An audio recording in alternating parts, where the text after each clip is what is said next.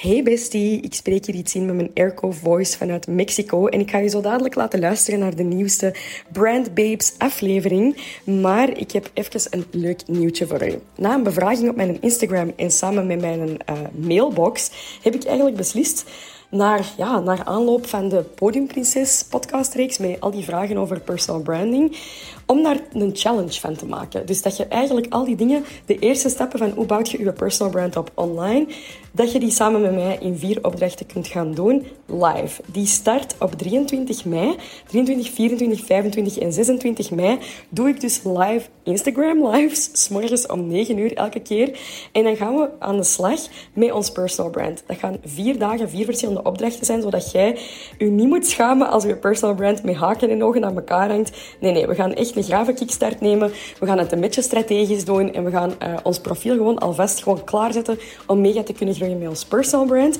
Dus als je je daar graag voor wilt inschrijven, klik dan op de link hier in de beschrijving of stuur mij een berichtje op Jessica de Blog met daarin challenge. Dan krijg je reminders van de lives en je krijgt de opdrachten ook via mail. Het gaat echt mega de moeite zijn, dus zie dat je erbij bent. Um, ik hoop je te mogen verwelkomen vanaf de 23e in de Podium Princess Challenge.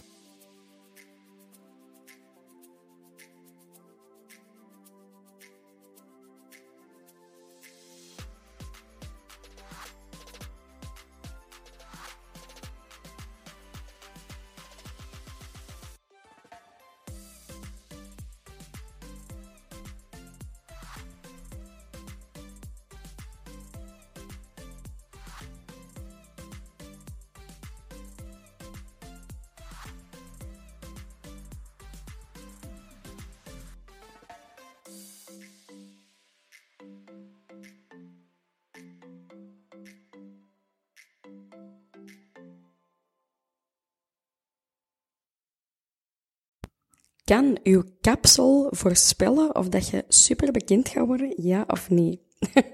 dat is de vraag die ik ga behandelen in deze podcast. En uh, welkom bij de Business Bestie podcast. Dit is zo waarschijnlijk de allerlaatste aflevering van de Business Bestie podcast onder deze vorm, want vanaf volgende week komen er, ja, droppen er finally, finally, dropt er een eerste aflevering van de Brand Babes podcast. En ik ga de Business Bestie podcast gewoon omtoveren. En dat wil zeggen dat je vanaf volgende week voornamelijk uh, gasten gaat krijgen die ik ga interviewen over hun verhaal, hoe dat zij hun, um, hun brand hebben gebouwd. En dat zijn echt ongelofelijke gasten. We starten volgende week met Jessica Welton van Munch Superfood, die echt een ongelooflijk parcours heeft afgelegd van een sapjesbar naar een online brand op een bepaald moment. Ja, she had to kill some darlings. En daar hangt een ongelooflijk verhaal achter naar um, ja, iets heel groot knippen, grote omzet knippen, om nog iets veel beter te gaan creëren. En uh, ja, dat gaat je allemaal horen in de volgende aflevering aflevering. Dus voilà, dat is al een kleine dienstmededeling. Maar de vraag van deze podcast was, kunt je voorspellen aan de hand van je capsule of je bekend gaat worden of niet? Het grappige is dat ik daar al zo vaak over had nagedacht, um, vanuit branding en personal branding, dat een capsule vaak een, een hele makkelijke differentiator is, visueel, en eigenlijk de visuele branding van een personal brand. En als je naar het verleden kijkt, is blijkbaar volgens uh, trendvoorspeller Coco je moet die maar eens opzoeken op TikTok. Dat is echt een, een super graaf account. Uh, zij zegt dat als je, kijkt naar de, de Hollywood Hair Theory of de Celeb Hair Theory, dat mensen in het verleden die, die op een bepaald moment zijn gegaan van een door de week kapsel naar een iconische look, zo gelijk bijvoorbeeld Marilyn Monroe, die van een heel, uh, ja, een beetje een saai, meisjesachtig bruin kapsel is gegaan naar die iconic look, dat wit haar, dat, ja, je, kunt het u direct voorstellen, ik moet er zelfs geen tekening bij maken. Ik denk dat iedereen in de wereld dat kapsel zou kunnen tekenen van buiten, hoe dat, dat eruit ziet of kunnen beschrijven. Zo iconisch is dat en was dat ook al toen. En dat was ook heel revolutionair op dat, dat moment. En dat eigenlijk al die transformaties van, van een gewoon kapsel naar een heel graaf kapsel, een iconisch kapsel, vaak het moment zijn geweest dat er een doorbraak is geweest en dat er een veel grotere bekendheid is gevolgd daaruit. Nu, je kunt natuurlijk nooit zeggen dat dat exact oorzaak en gevolg is, maar er zit wel zeker iets in dat bijvoorbeeld ja, Amy Winehouse, als die er niet uitzag zoals dat ze eruit zag, dat dat veel moeilijker zou geweest zijn om door te breken. Omdat Uiteindelijk zijt je als personal brand gewoon je product. Hè? Dus je moet er natuurlijk, zoals dat, dat je in de rekken een product moet kunnen eruit halen, omdat dat er anders uitziet of omdat dat een bepaalde doelgroep aanspreekt, moet dat ook gewoon met een personal brand zo zijn. Als er dertien in een dozijn dezelfde artist zijn, dezelfde gast met een zijstreep en een gitaar, is het heel moeilijk om te zien aan de hand van, ja, die een look, bij de welke dat je, ja, waar dat je de, voorkeur voor hebt. Dan is het ook heel moeilijk om die persoon te verkopen voor op een podium, als je daar de manager voor zou zijn, uh, om daar een album van te maken, om daar een personal brand met content rond te maken. Dus is die look eigenlijk een beetje de verpakking van die persoon. Ik heb daar zelf ook al eens een video over gemaakt, dat bij Eminem, Eminem heeft altijd vroeger zo dat, dat brosje gehad dat zo blond was, dat dat eigenlijk die zijn, ja, zijn, zijn uh, grootste asset is geweest. Ongeacht dat hij een talent heeft waar, waar dat hij het mee kan halen, dat als hij er te gewoon uit zou zien, dat dat nooit had gepakt. Die moest iets heel speciaals hebben. En als je gaat kijken, bijna alle artists die groot zijn en bekend zijn, die hebben dat allemaal. Ariana Grande had vroeger een haar, een kapsel, ze was echt letterlijk eender welk meisje van dezelfde leeftijd. Ik denk trouwens dat die van hetzelfde jaar is als ik. Dus uh, zo ongeveer van mijn leeftijd. We hadden allemaal een millennial side part. Een leuke zijstreep. En die zag er gewoon heel gewoontjes uit. En op een bepaald moment heeft hij haar um, signature ponytail, zoals ze het noemen. Zo die grote, hoge staart met zo'n haar van een meter aangemeten. En vanaf toen is haar succes gewoon exponentieel beginnen gaan. Omdat dat gewoon iconic is. Je gaat die look koppelen aan die persoon en je gaat die persoon makkelijk kunnen onderscheiden van alle andere artists. Lady Gaga heeft dat ook gedaan. Die, dat is ook gewoon een, die heet Stephanie Germanotta. Uh, die zag er heel gewoon uit. Een Italiaanse New Yorkse, zoals het er superveel zijn. Die heeft zwart haar van, van nature en dan heeft hij haar haar blond geverfd, heeft die zotte looks gedaan. Maar uiteraard is inderdaad, wat ik net zeg, is dat bij, bij Lady Gaga was dat niet per se haar haar dat het zo zot heeft gemaakt. Je kunt u ook onderscheiden aan de hand van uw kleding, of uw, uw hoofddeksel, of een soort bril, of iets aan uw gezicht. Dus je kunt, um, als jij chance hebt, ben jij geboren met bijvoorbeeld heel speciale wenkbrauwen, of een speciale oogkleur, of een, een treffende neus, of een, een treffende kaaklijn, of een, of een speciale huidskleur in combinatie met je oogkleur, of zo zoiets. Maar als je daar niet mee geboren bent, dan moet je dat maken. dus je gaat eigenlijk je look moeten gaan onderscheiden. En ik weet niet of je, um, ik, wanneer ik dit opneem, het is nu 30 oktober 2023, maar ik moest al even goed nadenken. Morgen is het Halloween.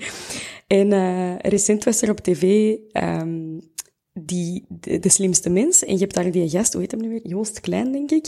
Die heeft meegedaan. Ik, ken, ik kende die niet. Ik heb die enkel bij de slimste mens gezien.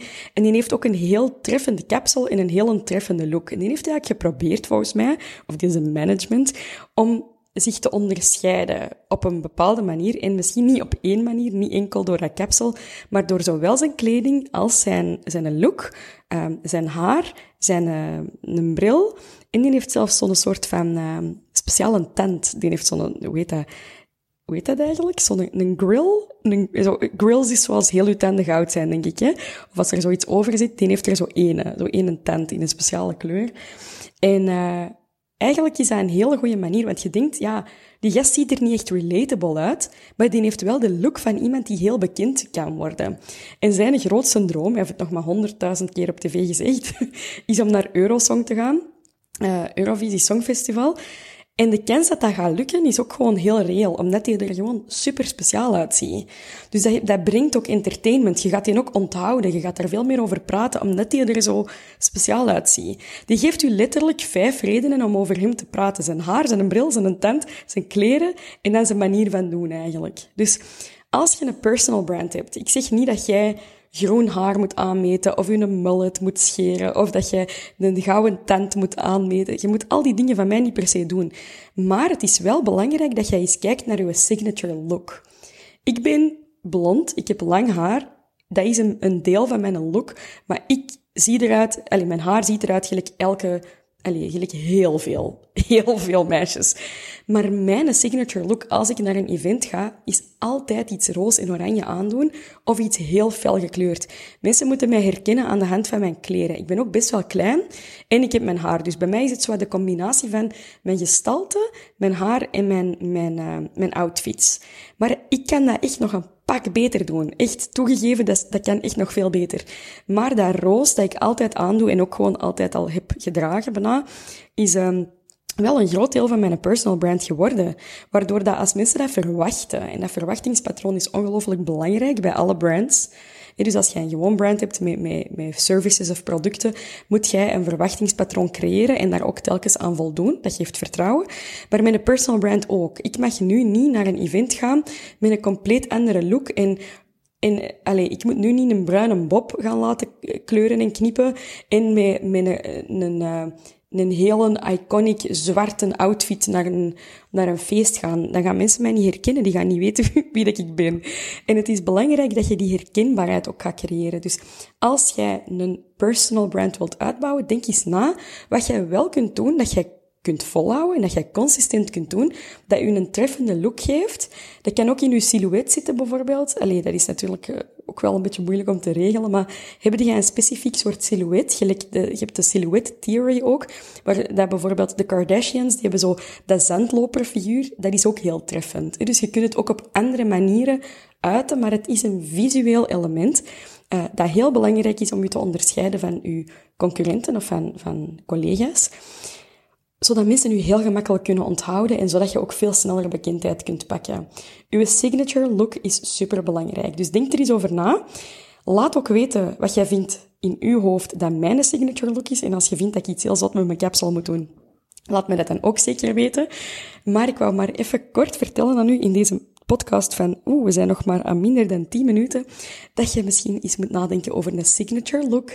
Iets dat u enorm treffend maakt en anders maakt dan andere mensen en hoe dat je dat misschien nog wat zotter kunt maken. Alright? Super hard bedankt om weer al te luisteren naar de podcast, naar de Business Bestie podcast. Het is de laatste keer, denk ik, Business Bestie podcast. Ik zeg, dat, ik zeg misschien omdat ik nog niet exact weet of alle afleveringen gaan af zijn en of mijn eerste aflevering helemaal gefinaliseerd is tegen volgende week.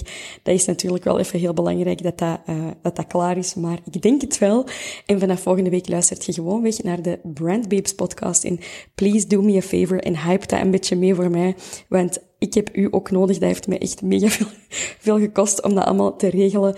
Um, dat was super plezant, maar dat kost uiteraard wel iets. En op dit moment verdien ik 0 euro aan de podcast. Dus uh, ik ga het moeten hebben van de views en de, de verhalen die zichzelf gaan verspreiden. En dat ook weer dat brand bouwt van de podcast op zich. Dat dat echt super goede kwaliteit is en dat je goede verhalen hebt. Dus uh, ofwel kun je een review achterlaten voor de podcast als je hem goed vindt. Ofwel kun je met een reel delen van de podcast, van zo'n klein clip, clipje eruit. Of je kunt aan iemand laten weten dat je de podcast leuk vindt. Dat zou ik super tof vinden als je dat wilt doen, zodat ik vanaf volgende week hier dat, dat mijn nieuw projectje, wat een beetje een risico is, toch ineens keihard ga opleveren. Um, in ieder geval, thanks so much for sticking around. En uh, dan zie ik u volgende week in de vernieuwde Brand Babes podcast. Bye! Hoe graaf zei jij dat jij net heel die aflevering hebt geluisterd tot het einde? You are the absolute best. Ik apprecieer dat zo hard. Als je de aflevering leuk vond of als je eh, steunt wat wij doen met de Brand Babes podcast, dan betekent het voor ons ongelooflijk veel als je daar eens iets van deelt op je social media de podcast opnemen, ik ga je dat vertellen, dat kost heel veel tijd, maar dat kost ook heel veel geld. En uh, op dit moment betaal ik dat gewoon allemaal zelf, omdat ik mijn boodschap wil verspreiden, omdat dat heel belangrijk is voor mij. Maar uh, ja, je hoeft niet financieel te supporten. Als jij wilt steunen, dan kun je gewoon iets delen van de podcast, zodat meer mensen de podcast kunnen ontdekken.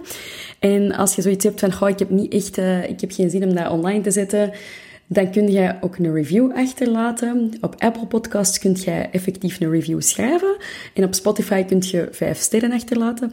En als ik je mag vragen om dan ook wel gewoon vijf sterren achter te laten. Zo bruut ben ik dan ook wel weer. Please geen vier sterren, doe maar gewoon vijf sterren. Um, ik apprecieer het enorm. Dat gaat de podcast in het algoritme een beetje boosten. Dus op eender welke manier waarop dat jij de podcast kunt steunen, alvast heel hard bedankt om dat te delen met de mensen die je graag hebt, met je netwerk, of om een review achter te laten, of all of the above, dat is ook heel top. Super hard bedankt daarvoor en uh, dan hoor ik u in de volgende afleveringen.